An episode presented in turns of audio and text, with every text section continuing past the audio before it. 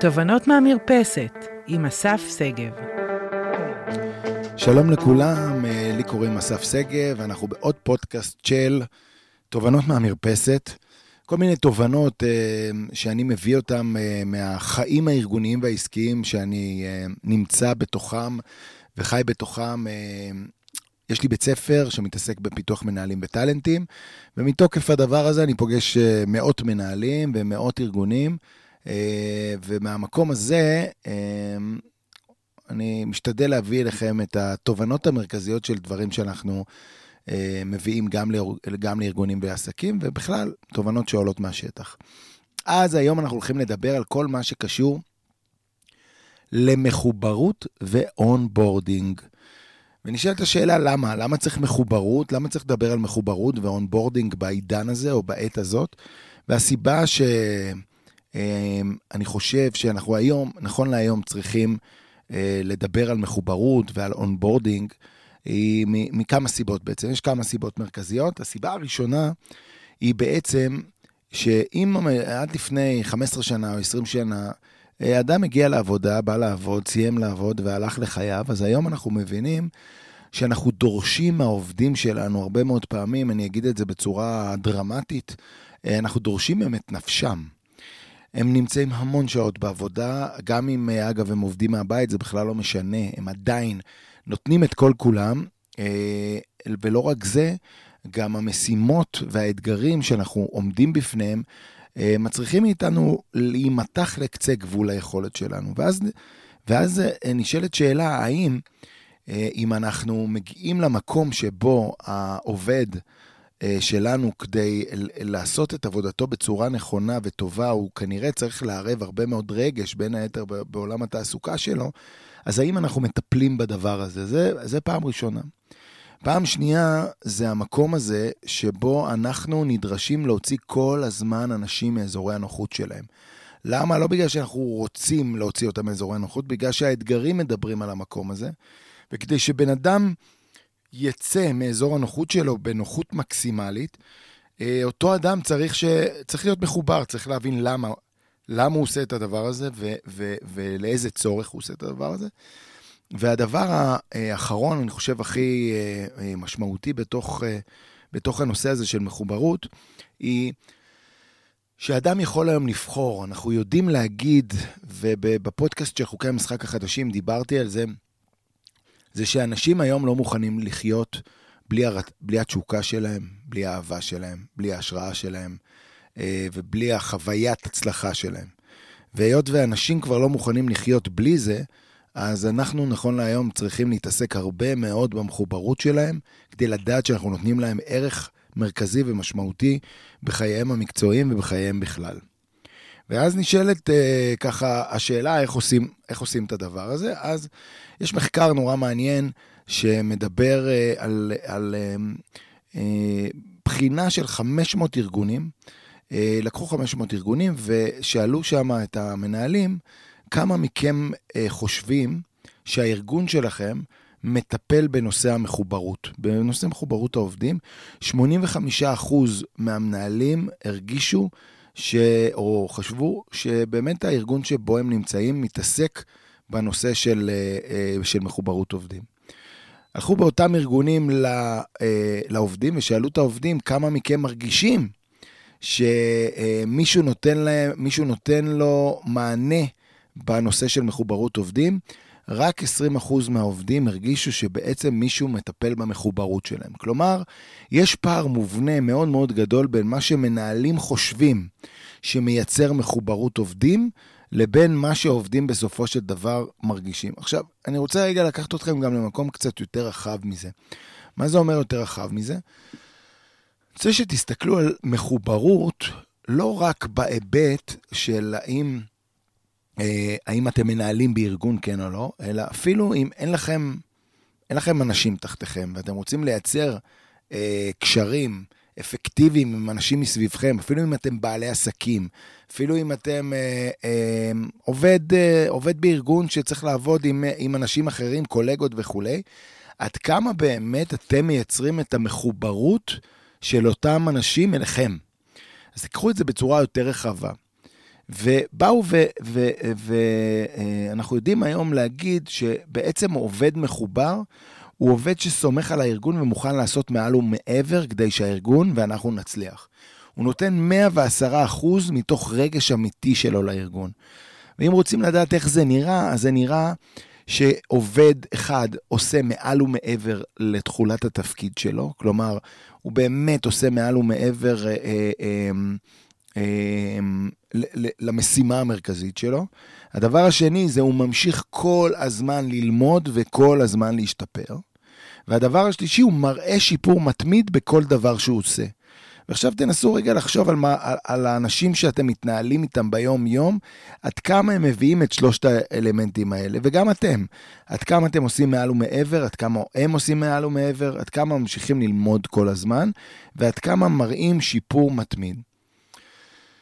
וכשאני מגיע להרבה מאוד ארגונים, אני אומר, ואני שואל את המנהלים, תגידו, כמה... אה, כמה, כמה אחוז מהצו, מהצוותים שלכם אתם חושבים שהוא מחובר, אז נגיד אומרים לי 70 אחוז או 80 אחוז. כשאני נותן את שלושת האלמנטים האלה, האחוזים יורדים בצורה דרסטית. למה? כי בהרבה מאוד מקומות למדנו לחיות עם בינוניות. למדנו לחיות עם זה שעובד לא עושה מעל ומעבר, וזה בסדר. שעובד לא ממשיך ללמוד כל הזמן, וזה גם בסדר. ושהוא לא מראה שיפור מתמיד, וזה גם בסדר. למה? כי אנחנו אומרים, יש בעיית גיוס, ויש בעיה של... אה, יש עומס מאוד מאוד גדול וכולי, אבל צריך לזכור ולדעת גם על כל אחד ואחד מאיתנו, שבמקומות שבהם נוהלנו על ידי מנהלים מחברים, הצלחנו להביא תפוקות יותר גבוהות. וכשמסתכלים רגע אה, על, על למה זה קורה, אז אנחנו יודעים להגיד היום, אה, לפי תיאוריה של, שנקראת תיאוריית שני הגורמים של ארצברג, שבאה ואומרת, תראו, יש שני גורמים מרכזיים ב, אה, בעולם הזה של מחוברות. הראשון נקרא גורמים היגייניים. מה זה גורמים היגייניים? גורמים היגייניים זה כל מה שלמדנו שככה מנהלים אם תרצו, סולם מאסלו, החלק התחתון שלו, כל נושא הביטחון התעסוקתי וכולי, נמצא בגורמים היגייניים, כלומר פיקוח צמוד, נהלים, תנאי עבודה, ביטחון וקביעות, כל אלה הם גורמים היגייניים. אנחנו יודעים להגיד היום על גורמים היגייניים, שבמקום שבו זה קורה, זאת אומרת שארגון באמת מצליח לעשות את זה, ואנחנו כמנהלים מצליחים לעשות את זה, אנחנו מביאים את העובדים שלנו למצב ניטרלי. מה זה אומר מצב ניטרלי? מצב ניטרלי אומר אין אי שביעות רצון, אבל ממש זה לא אומר שיש שביעות רצון. ועכשיו, כדי לייצר שביעות רצון, אנחנו צריכים להגיע לגורמים המחברים. והגורמים המחברים זה עד כמה אני נותן לעובדים שלי עניין בעבודה. עד כמה. בואו תנסו רגע להסתכל על אנשים שאתם מנהלים אותם נכון להיום. עד כמה אנחנו מצליחים לייצר להם אתגרים שמייצרים להם עניין.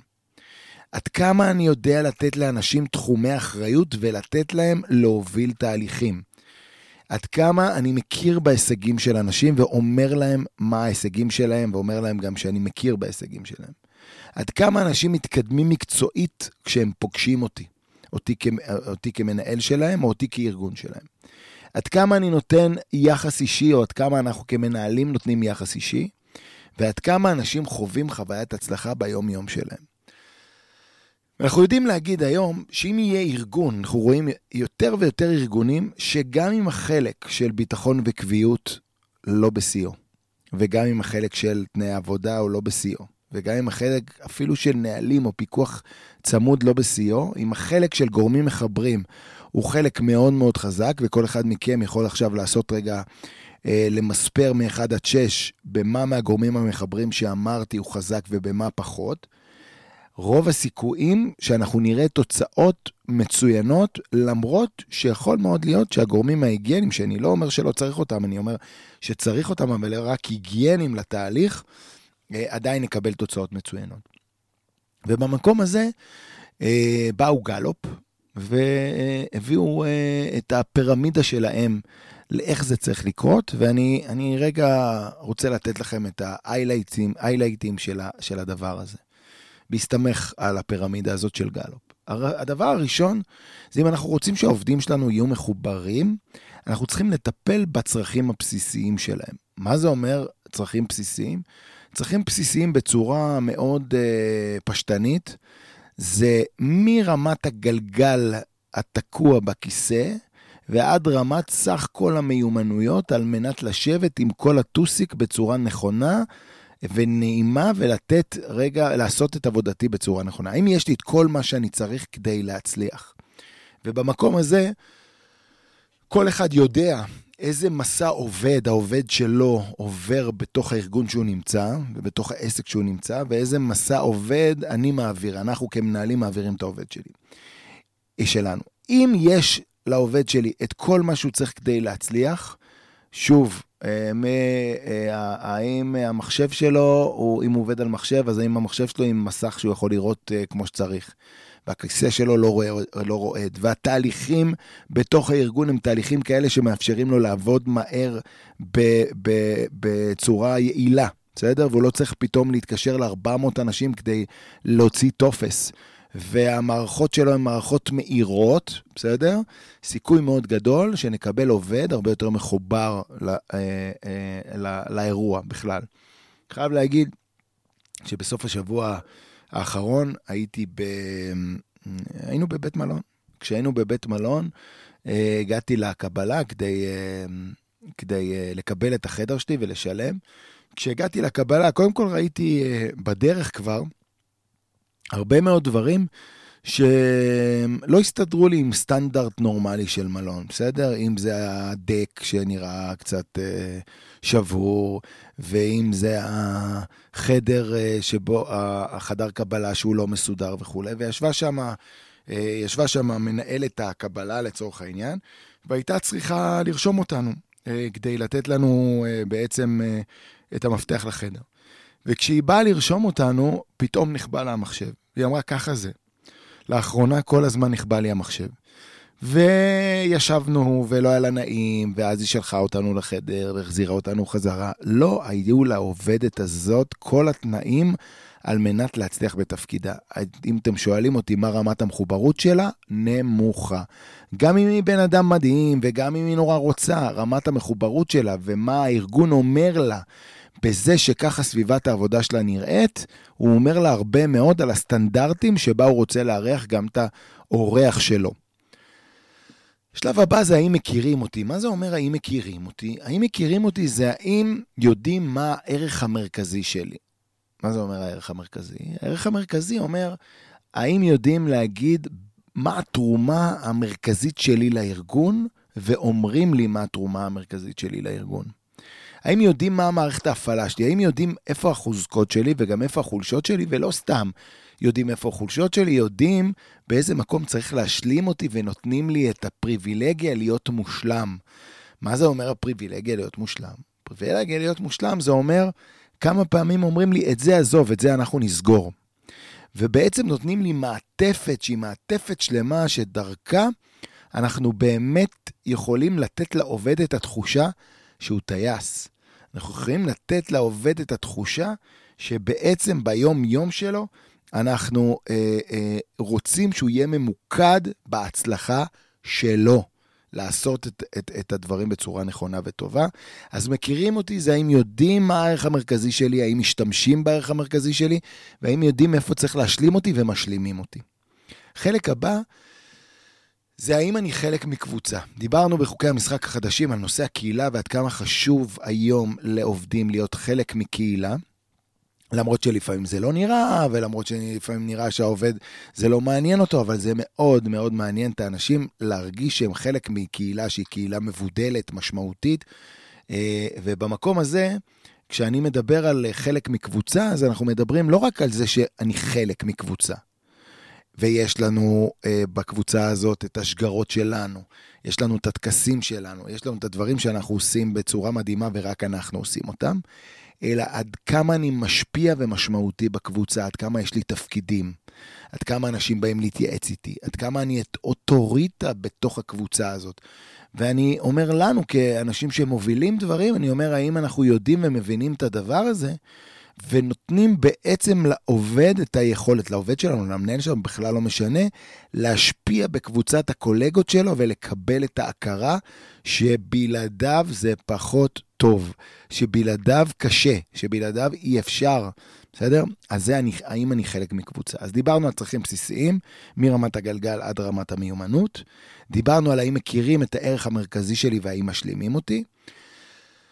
דיברנו על האם אני חלק מקבוצה, ועכשיו, האם אני צומח. ומה זה אומר האם אני צומח? הרבה פעמים שאני הולך לארגונים ואנחנו נמצאים בתוך שיח כזה, אז אנשים אומרים לי, תשמע, אבל הפירמידה היא צרה. לא פירמידה של גל, או פירמידה אצלהם. מה זה אומר צרה? אין כל כך לאן להתקדם. אוקיי, הבן אדם רוצה להתקדם, אבל אין לו לאן להתקדם. אז אני אגיד שני דברים על ההיבט הזה. אחד, כשאני מדבר על האם אני צומח, אני לא מדבר דווקא על התפקיד הבא. אני מדבר על עד כמה מישהו יושב איתי ומישהו מפתח את המיומנויות האישיות והבין-אישיות שלי תוך כדי שאני עושה את תפקידי. עד כמה מישהו שואל אותי איפה אני רוצה להיות בעוד חמש שנים מהיום. עד כמה אנחנו אה, נותנים לאדם אה, שמנוהל תחתינו, ובכלל לאדם שאנחנו רוצים בעיקרו, נותנים לו פלטפורמות להתפתחות. עד כמה אנחנו מייצרים איתו משובים, עד כמה אני נותן לו את הכלים כדי לצמוח. אה, ובמקום השני, אני אגיד לכל אותם אה, אנשים שאומרים, אוקיי, עדיין הפירמידה צרה, אז אני אגיד, זה בסדר שהפירמידה צרה, ומי קבע שהעובד הזה חייב להיות מקודם בארגון שלכם? זה בסדר לבוא לעובד ולהגיד לו, אני רוצה לדעת איפה אתה בעוד חמש שנים מהיום, גם אם בעוד חמש שנים הוא לא רוצה להיות איתנו, הוא רוצה להיות במקום אחר. בעבר, לפני המון המון שנים, שהגעתי לאיזשהו ארגון כ... כמנהל מפרטנר, והגעתי לאיזשהו ארגון לדבר על שימור עובדים. אז הגעתי לאיזו חברה של מהנדסים, ובחברה הזאת, אחד הדברים שאמרתי להם כבר לפני 15 שנה בערך, אמרתי להם, חבר'ה, תשבו עם העובד שלכם, תראו איפה הוא רוצה להיות בעוד ארבע שנים מהיום, ותעשו איתו תוכנית לאיך אתם מביאים אותו למקום שבו הוא רוצה להיות בעוד ארבע שנים מהיום, גם אם זה לא בארגון שלכם.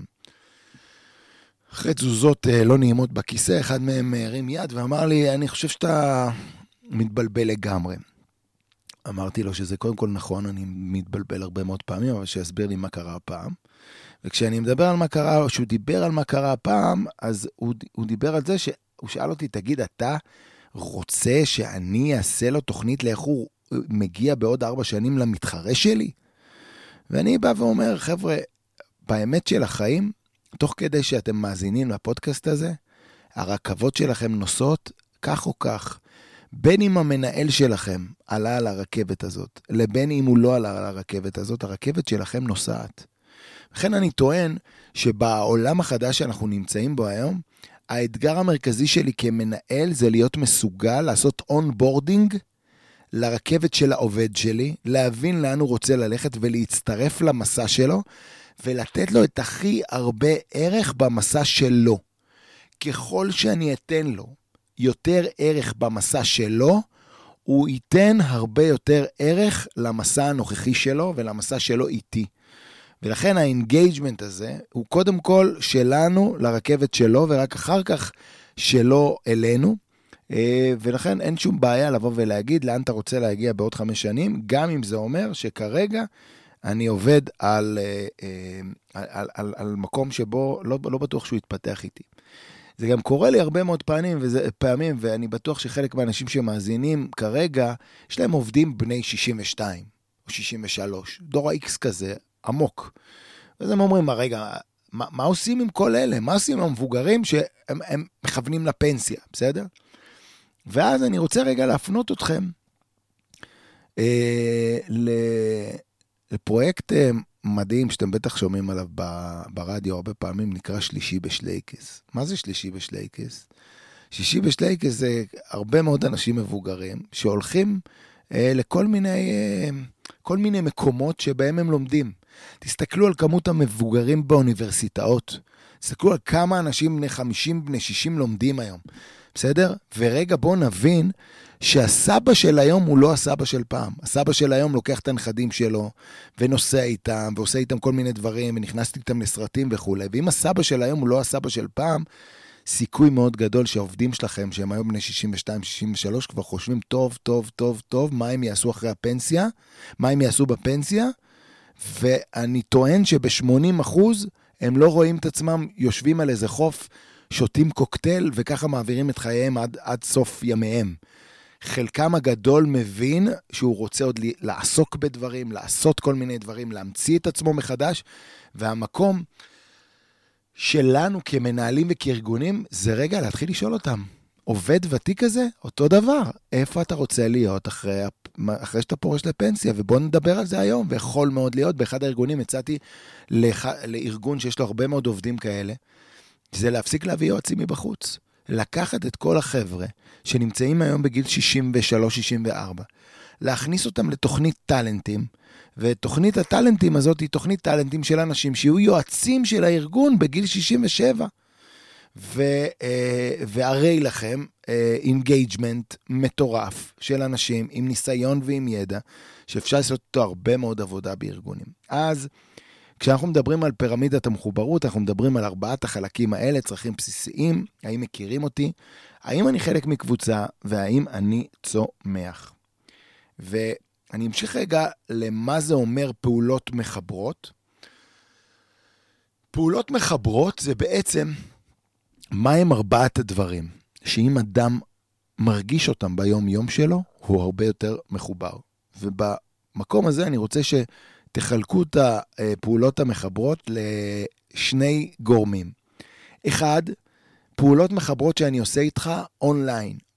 איך אני מייצר איתך פעולה מחברת אונליין? המנהל מייצר עם העובד שלו, פעולה מחברת אונליין בדרך שבה אני מדבר איתך, בדרך שבה אני עושה איתך עכשיו משוב, בדרך שבה אני נותן לך מענה.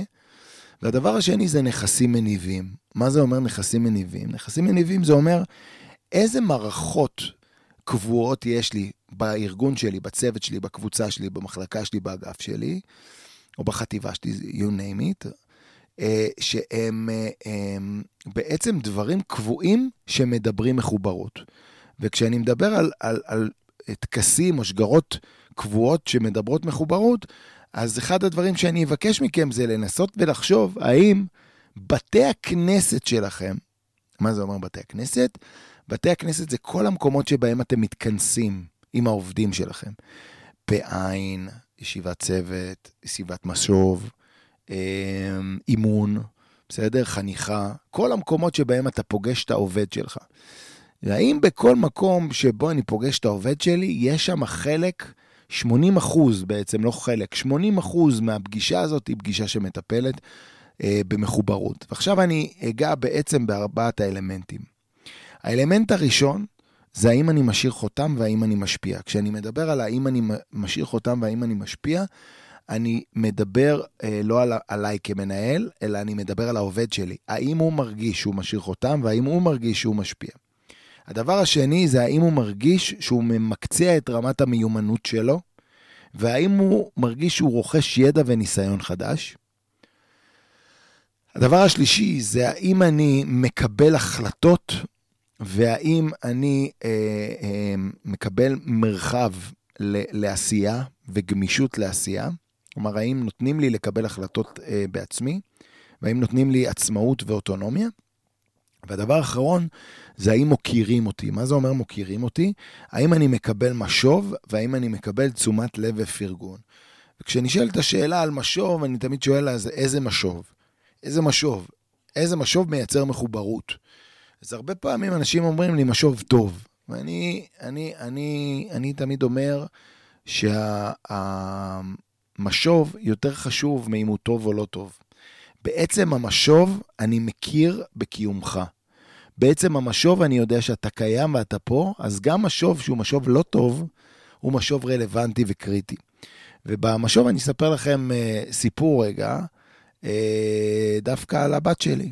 Uh, יש לי בת שקוראים לה גוני, והילדה הזאת היא uh, מדהימה בכל רמ"ח איבריה, חוץ ממקצוע אחד שהיא פחות מתחברת, וזה נושא המתמטיקה.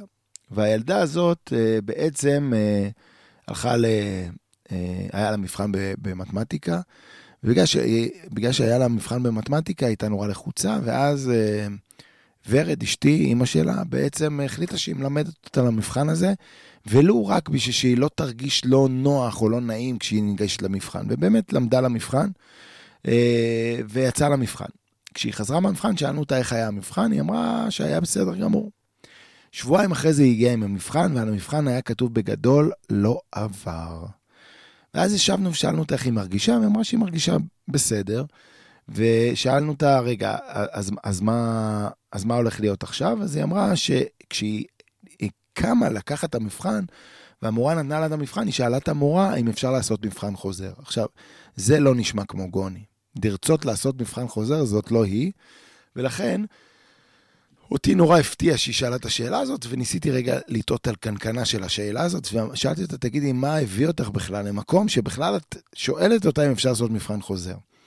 והיא אמרה, אני לא יודעת. שאלתי אותה, את רוצה לעשות מבחן חוזר? היא אמרה לי, ממש לא. אז למה בכל זאת שאלת? ואחרי איזה עשר דקות שיחה הבנו שהסיבה ש... שהיא שאלה אם אפשר לעשות מבחן חוזר, זה כי מבחינתה כשהיא קמה והמורה נתנה לה את המבחן, והיא ראתה לא עבר, והסתכלה על המורה והמורה לא אמרה כלום, לא הוציאה הגה מפיה. בעצם הצורך של גוני, שהבן אדם שנמצא מולה יגיד לה משהו, גם אם זה משהו רע וגם אם זה משהו טוב, יגיד משהו על מה שקרה פה עכשיו, היה נורא נורא חשוב, נורא קריטי, כשהיא עלה לה, ש... השאלה הראשונה שהיא יכולה לשאול, זה האם אפשר לעשות מבחן חוזר. זאת אומרת, היא שאלה את השאלה הזאת סתם, כדי שהמורה רק תגיב, רק תגיד משהו. ובמקום הזה אנחנו, זה, זה מה שנקרא wake up call לכולנו. וה-wake up call לכולנו זה שאנשים שלנו מחכים למוצא פינו. האנשים שלנו, האנשים שנמצאים מסביבנו מעריכים אותנו, רוצים לשמוע אותנו, גם אם זה לא טוב וגם אם זה כן טוב. כשאנחנו לא אומרים להם וכשאנחנו לא יושבים איתם, הם, הם, הם מתחילים לפרש כל מיני פרשנויות ולעשות כל מיני דברים, כי הם בסוף רוצים שמישהו יכיר בהם. לכן הבקשה שלי מכם, או מאיתנו, מכולנו, זה רגע לדעת ולהבין את הצורך הזה של מחוברות. כל אדם רוצה להיות מחובר, כל אדם רוצה להרגיש חלק. אנחנו מדברים היום הרבה מאוד על גיוס, ומבינים כמה קשה, נכון להיום, לגייס אנשים חדשים אה, למערכות שלנו. אה, אני כל פעם אומר ש, שהיום בן אדם, לפני שהוא בוחר מקום עבודה, הוא בודק טוב טוב מי המנהל שלו, ואיך המנהל שלו אה, אה, מתנהל, או אפילו מעלה את השם של המנהל שלו בפייסבוק ובודק מי זה, בדיוק כמו שאנחנו עושים הפוך. לכן אנחנו רוצים לדעת שבמקום לדבר כל הזמן על גיוס וגיוס, בואו נדבר על שימור. בואו נדבר על שימור, ובואו נדבר על מחוברות, ובואו נדבר על איך לייצר engagement. כי כשכל העובדים שלנו יהיו מחוברים בצורה טובה ונכונה, סיכוי מאוד מאוד גדול, אחד, שתהיה חדוות יצירה מאוד גדולה, והדבר השני, שנביא תוצאות מעולות, אה, עם אחוזים מאוד מאוד גבוהים של, אה, של שימור הידע בתוך הארגון. בהישארות של אנשים בתוך המערכת. אז אני רוצה להגיד לכם אה, תודה על ההקשבה וההאזנה. דיברנו על מחוברות עובדים, ולמי שיש שאלות וכולי, אז כמובן זמינים גם בוואטסאפ וגם באתר ובכל מקום אחר. אה, אז אה, שיהיה המשך יום מדהים.